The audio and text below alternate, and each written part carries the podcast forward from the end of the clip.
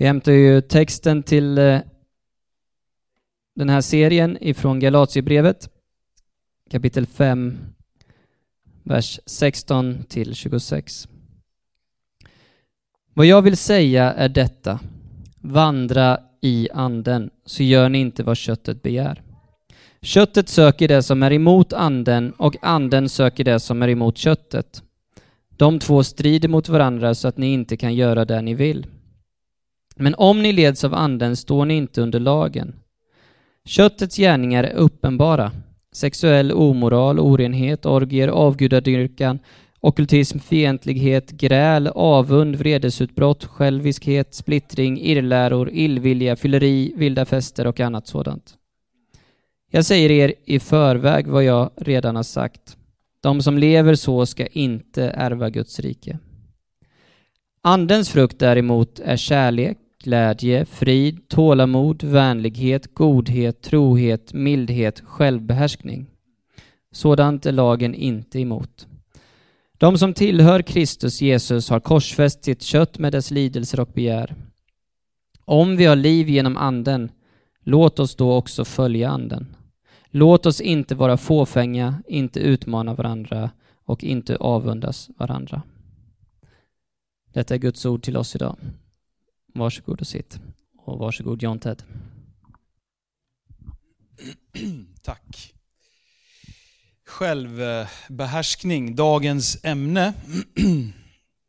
Vi har ju gått igenom de här nio stycken, ehm, eller åtta. Vi kan ta den här sliden där vi visar alla kärlek, glädje och frid och så vidare. Ehm, andens frukter och, och, och ehm, vi, ibland så är man glad i att tala om det här med andens gåvor och kraften och massa sådana här härliga saker som vi kanske gärna frotterar oss med inom frikyrkan. Men vad gäller just det som kanske är ännu mera nyanserande och kanske mera tydligt är ju det hur, vi, hur anden i våra liv leder fram till frukter, givetvis. Så det är det vi pratar om. Kärlek, och glädje och frid och tålamod och vänlighet och godhet och trohet och mildhet och till sist självbehärskning. Min så här är det att varenda predikant som har ställt sig på den här talarstolen, de har börjat med att be om ursäkt.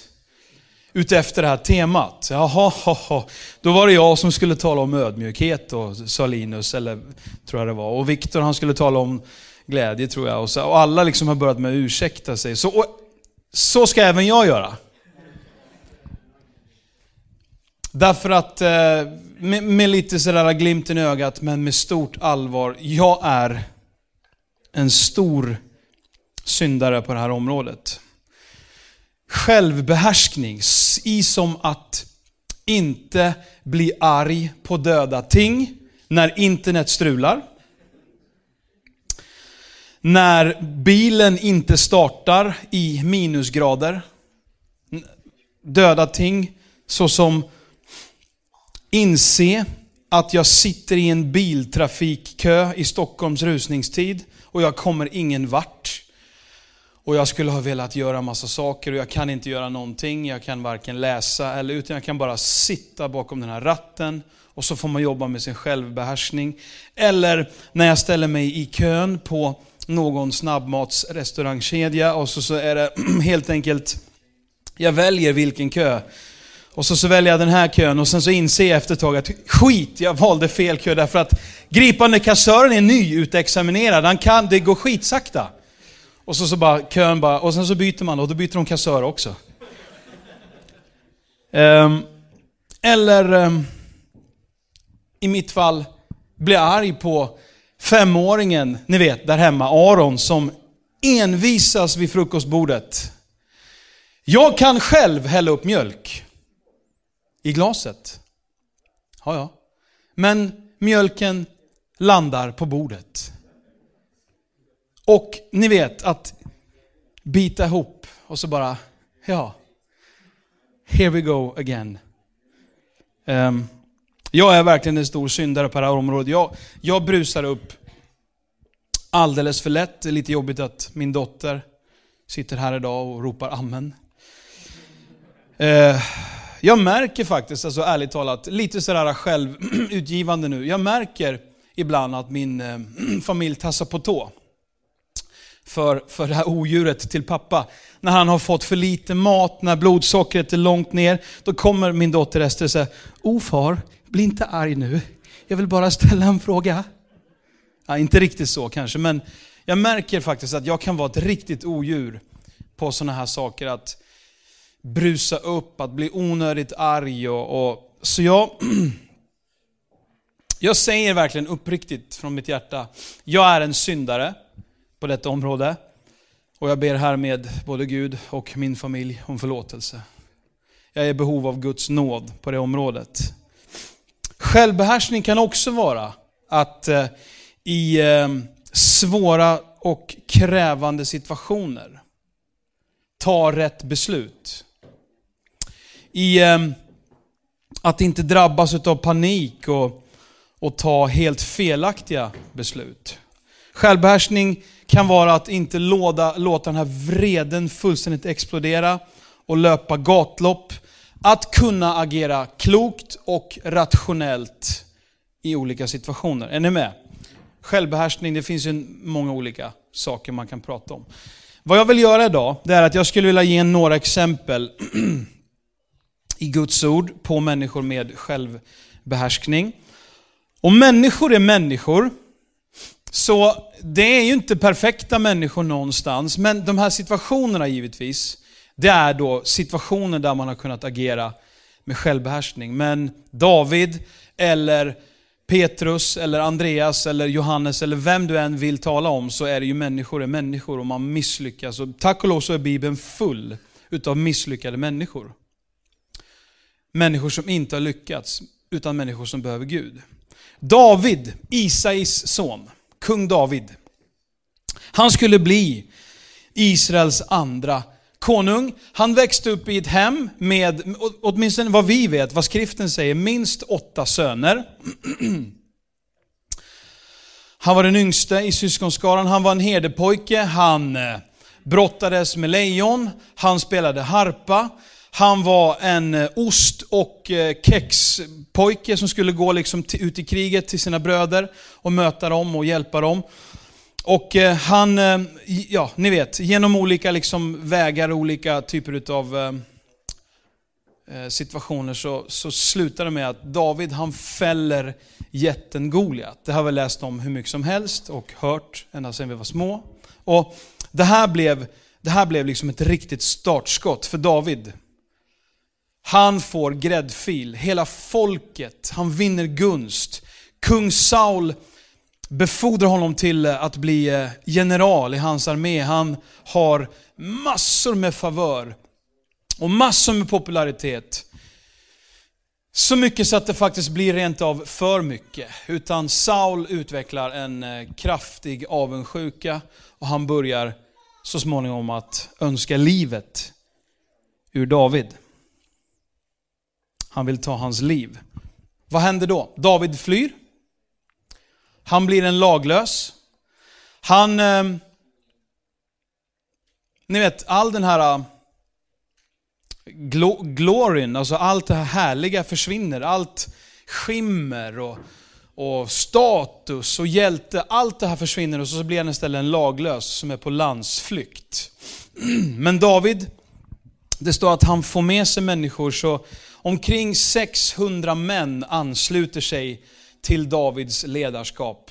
Och de är alltså en, en, eh, en laglös eh, skara som är på landsflykt, som kallas för landsförrädare.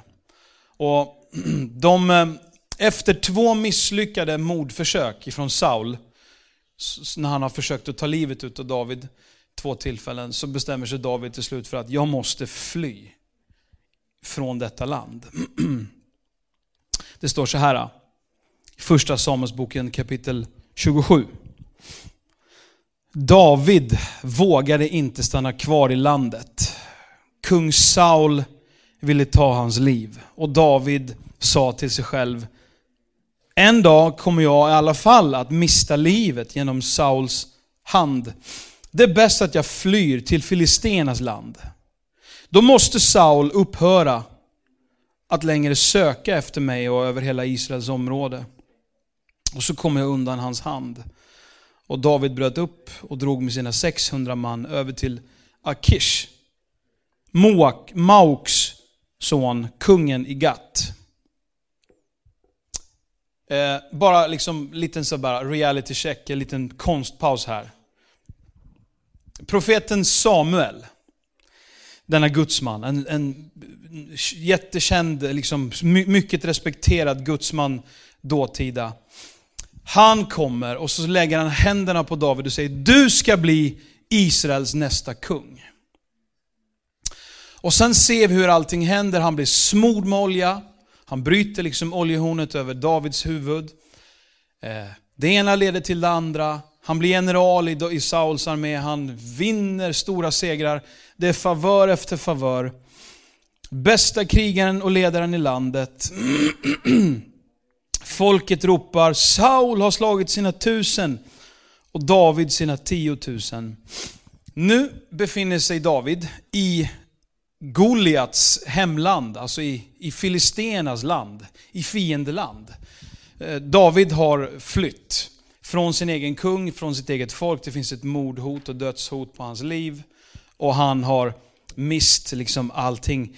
Den här äh, gloryn, han har inte kvar sina 10 000, den saken är säker. Hur kändes det? Och jag, man kan ju fundera så här, hur, hur, hur kunde Davids böner låta just nu?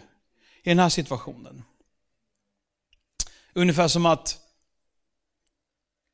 jag har inte bett om det här Gud. Äh.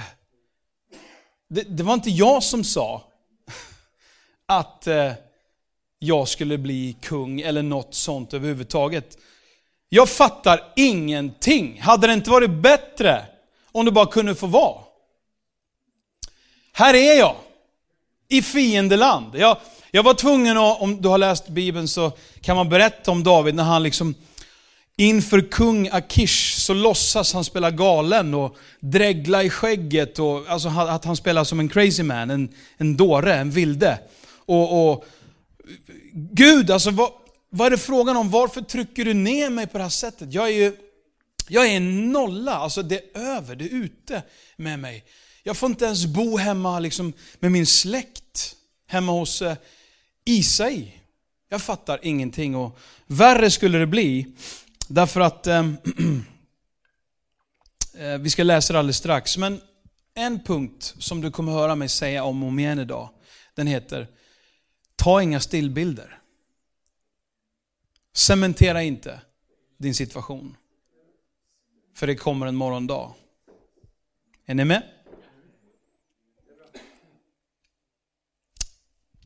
Självbehärskning kan vara att hålla blicken fäst dit du är på väg. På ditt mål. Att inte ge upp. Kanske har du och jag stora ambitioner, stora drömmar. Som eh, idag mera känns som ett genant magplask. Det blev inte alls som jag hade tänkt. Och min predikan handlar inte om att du ska hålla drömmen vid liv och du ska bara det, det, det, finns andra predikningar som är mycket bättre än så. Men en, ett tecken på självbehärskning är håll blicken fäst. Ge inte upp. Ta inga stillbilder på din nuvarande situation. Därför att den kommer att förändras.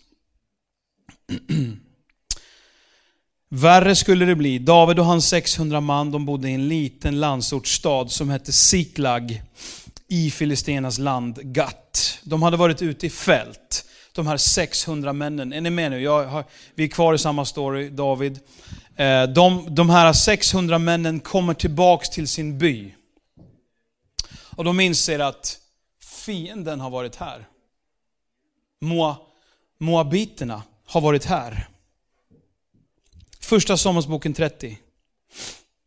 När David tillsammans med sina män kom till Siklag på tredje dagen, förlåt, amalekiterna, inte moabiterna, så hade amalekiterna trängt in i Negev och in i Siklag, alltså in i den byn, David och hans män bodde. De hade intagit Siklag, bränt upp det i eld och kvinnorna som var där inne, både stora och små och stora, hade de fört bort som fångar. Men de hade inte dödat någon.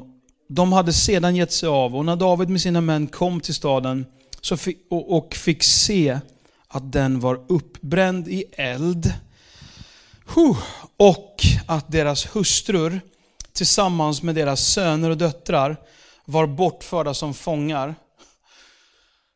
Då brast han och hans män ut i gråt. Och det förstår jag. Och de grät. Och de grät. Och de grät tills dess de inte orkade gråta mer. Helt screwed, helt körd. Jag är, alltså det, det kan inte bli värre. Jag är bortjagad från mitt eget land. Jag har ingenting kvar. Det är över. Ta mitt liv. Skjut mig. Shoot me please. Somebody. Allt hade ryckts ifrån David. Och så fortsätter det. Det står så här i kapitel 30, vers 6. David kom i stor fara. Folket hotade att stena honom.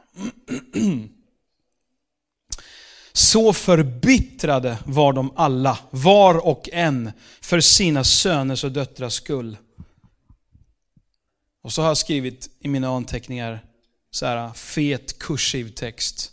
Men David hämtade styrka hos Herren sin Gud. Mm -mm. Och David sa till prästen Ebiatar, Ahimeleks son, bär hit efoden till mig. Och då bar han fram efoden till David och, och David frågade Herren, skall jag jaga ifatt den här rövarskaran? Kan jag hinna upp den? Och Herren svarade, jaga ifatt den. Ty du skall hinna upp den och du ska befria alla. Jag kommer återkomma, men kom bara ihåg det att eh, David David, jag, blir, jag blir så uppmuntrad, jag var så glad när jag satt hemma och förberedde mig. David hämtade styrka hos Herren.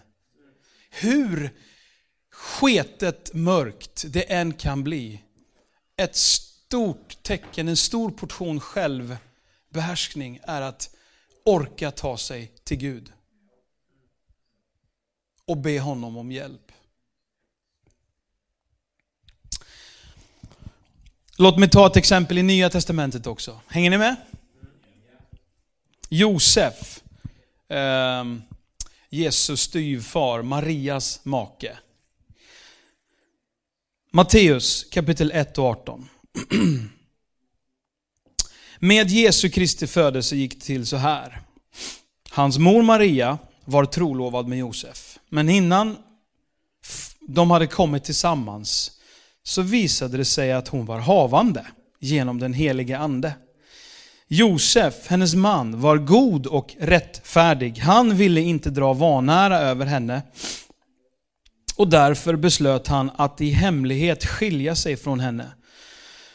Men när han tänkte på detta, och jag, jag fritt översätter inte och tolkar inte texten, men det står, när han tänkte på detta med andra ord, jag tror att han satt och suckade och bad till Gud.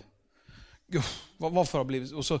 Han, han förmodligen satt och var i tankar och han umgicks och bad med, till Gud, tror jag. Då visade sig en Herrens ängel för honom i en dröm och sade, Josef, Davids son, var inte rädd att Ta till dig Maria, din hustru, ty barnet till henne har blivit till genom den helige Ande. Hon ska föda en son och du ska ge honom namnet Jesus. Han ska frälsa sitt folk från deras synder. Och allt detta skedde för att det skulle uppfyllas som Herren hade sagt genom profeten. Se, jungfrun ska bli havande och föda en son och man ska ge honom namnet Immanuel. Det betyder Gud med oss. Och när Josef vaknade upp ur sömnen så gjorde han som Herrens ängel hade befallt och tog sin hustru till sig. Men han rörde henne inte förrän hon hade, hon hade fött en son och honom gav han namnet Jesus. Det är bara ett, ett eh, väldigt speciellt scenario. Alltså, vet inte om hur mycket du har tänkt på det, men så här, Josef liksom, va? Är du gravid? Men, med vem har du varit? Eh, Gud. Ah, så här, what? Alltså vilken var den sämsta bortförklaring jag någonsin har hört i hela mitt liv. Så det är klart att det krävs att tänkas lite på. Återigen, att komma till Gud. I svåra stunder, hörni. Vad är det bästa vi kan göra för att agera självbehärskat? Gå till Gud med din situation. Låta honom tala in i våra liv. Jag har skrivit så här, gå in i din kammare, hämta styrka hos Herren din Gud. Sätt, sätt eh, in en lovsångsskiva eller en Spotify-lovsång.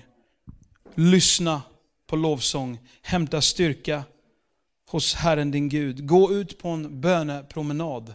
Hämta styrka hos Herren din Gud. Ta ett eh, bönedygn. Ta ett fastedygn, en fasteperiod. Hämta styrka hos Herren din Gud. David han frågade Gud, ska jag jaga fatt den här rövarskaran? Kan jag hinna upp den? Herren svarade, jaga fatt den. Och du skall hinna upp den och befria alla. Jag vill avsluta den här serien som handlar om kännetecken, att låta sig formas utav andens frukter, låta sig formas utav Jesus själv. Jag vill därför avsluta hela serien med att tala om Jesus de sista minuterna. Eh, och Det här har jag återkommit till, så det finns kanske någon som har hört mig tala lite om det här förut, men det, jag tycker det är, så, det är så tydligt och det är så bra och det är så starkt utifrån Jesu liv när han blir frestad. Matteus 4. Vi går in för landning. Det står vers 1. Sedan fördes Jesus av anden ut i öknen för att frestas av djävulen. När han hade fastat i 40 dagar och 40 nätter så blev han till sist hungrig. Då kom frestaren fram och sa till honom, om du är Guds son, befall att de här stenarna blir bröd. Och Jesus svarade, nej, det står skrivet, människan lever inte bara av bröd, utan av varje ord som utgår från Guds mun. Och man kan ju fundera på var i ligger frestelserna här. Men eh, djävulen kommer fram och så sa liksom så här, hmm, så här, show me what you got. Om, om du är Guds son. Det snackas ganska mycket. Eh, mycket snack och lite verkstad skulle jag säga. Om, om du nu är Guds son. Visa då för allt i världen. Det är väl lätt för dig att bara förvandla de här stenarna till bröd? Svaret är enkelt. Nej, tig liksom. Jag eh, har inte tid med dig just nu. Så står det vidare. Djävulen tog honom till den heliga staden, ställde honom på tempelmurens utsprång och sa, om du är Guds son, kommer igen. Kasta dig ner. Ja, det står ju skrivet. Bara också djävulen citera Guds ord. Det står ju skrivet. Han ska ge sina änglar befallning om dig och de ska bära dig på händerna så att du inte stöter din fot emot någon sten. Och, och Jesus sa till honom, ja men det står också skrivet att du ska inte fresta Herren din Gud. Om du är Guds son, kom igen nu då. Visa vad det går för. Det, det skulle vara häftigt. Det här, liksom, när prove yourself. Alltså, det, jag, jag, jag, tror, jag tror inte riktigt, fast i själva verket så tror jag kanske att djävulen var ute efter att finta. Att tappa fokus. Det finns ett uppdrag att slutföra. Djävulen kommer och bara, liksom, precis som det funkar med dig och mig också, skjuter in kilar, kommer från sidan, ger mig en fint, dribblar bort mig och så, så har jag tappat fokus, tappat fotfästet, tappat hela syftet. Sista raderna.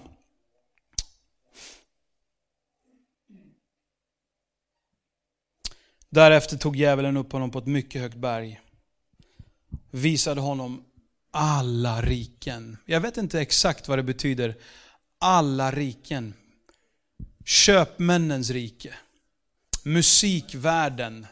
Sportvärlden. Glory. Alla riken. Djurriket. Nej men allt. Alla riken och dess härlighet. Han sa, allt detta vill jag ge dig om du faller ner och tillber mig.